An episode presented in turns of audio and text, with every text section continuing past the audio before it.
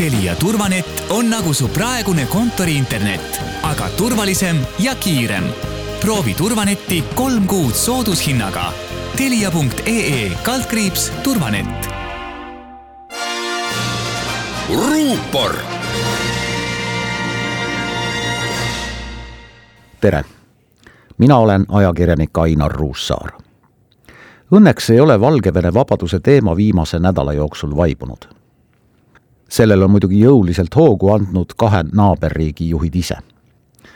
Vladimir Putini ja Aleksandr Lukašenko mõne päeva tagune kohtumine Venemaa valitsusele kuuluvas kolmkümmend miljonit dollarit maksva poolesaja meetri pikkuse luksusjahi pardal oli kindlasti paljude venelaste ja valgevenelaste jaoks nagu näkku sülitamine.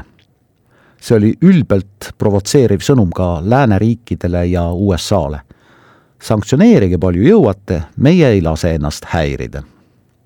taolisi sõnumeid saadavad Venemaa ja Valgevene juhid peaaegu igapäevaselt.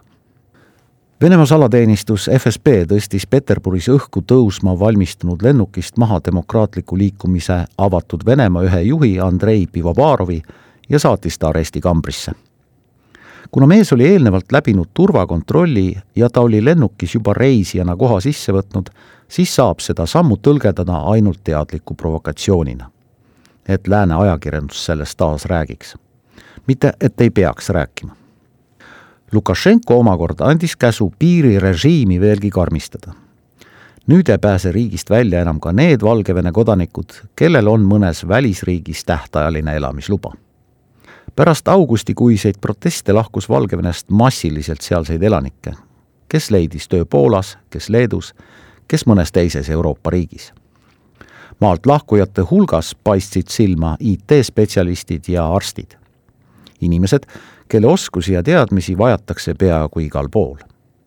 nüüdne Valgevenest väljasõidupiirang tähendab sisuliselt maismaapiiri sulgemist.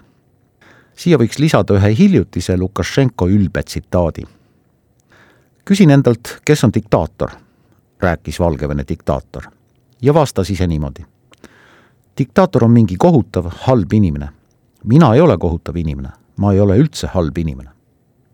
demokraatlikke riike provotseerivaid sõnumeid tuleb nagu edukast ettevõttest saelaudu. Venemaa kaitseminister Sergei Šoigu teatas, et septembrikuiste Venemaa ja Valgevene ühistel suurõppustel Zapad kasutatakse massiliselt sõjalennukeid ning luuakse keeruline õhuolukord. seda vaid nädal pärast välismaise lennuki kaaperdamist Valgevene õhuruumis, milleks kasutati ka sõjalennukeid.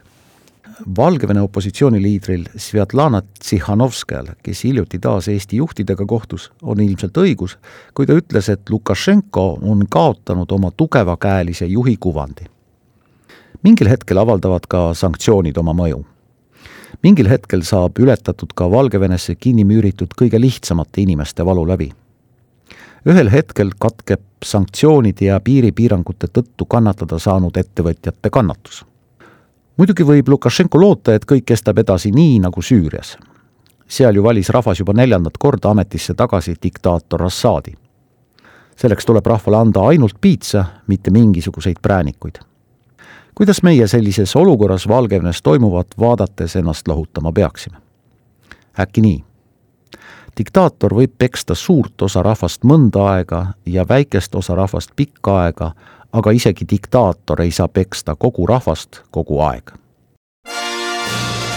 ruupor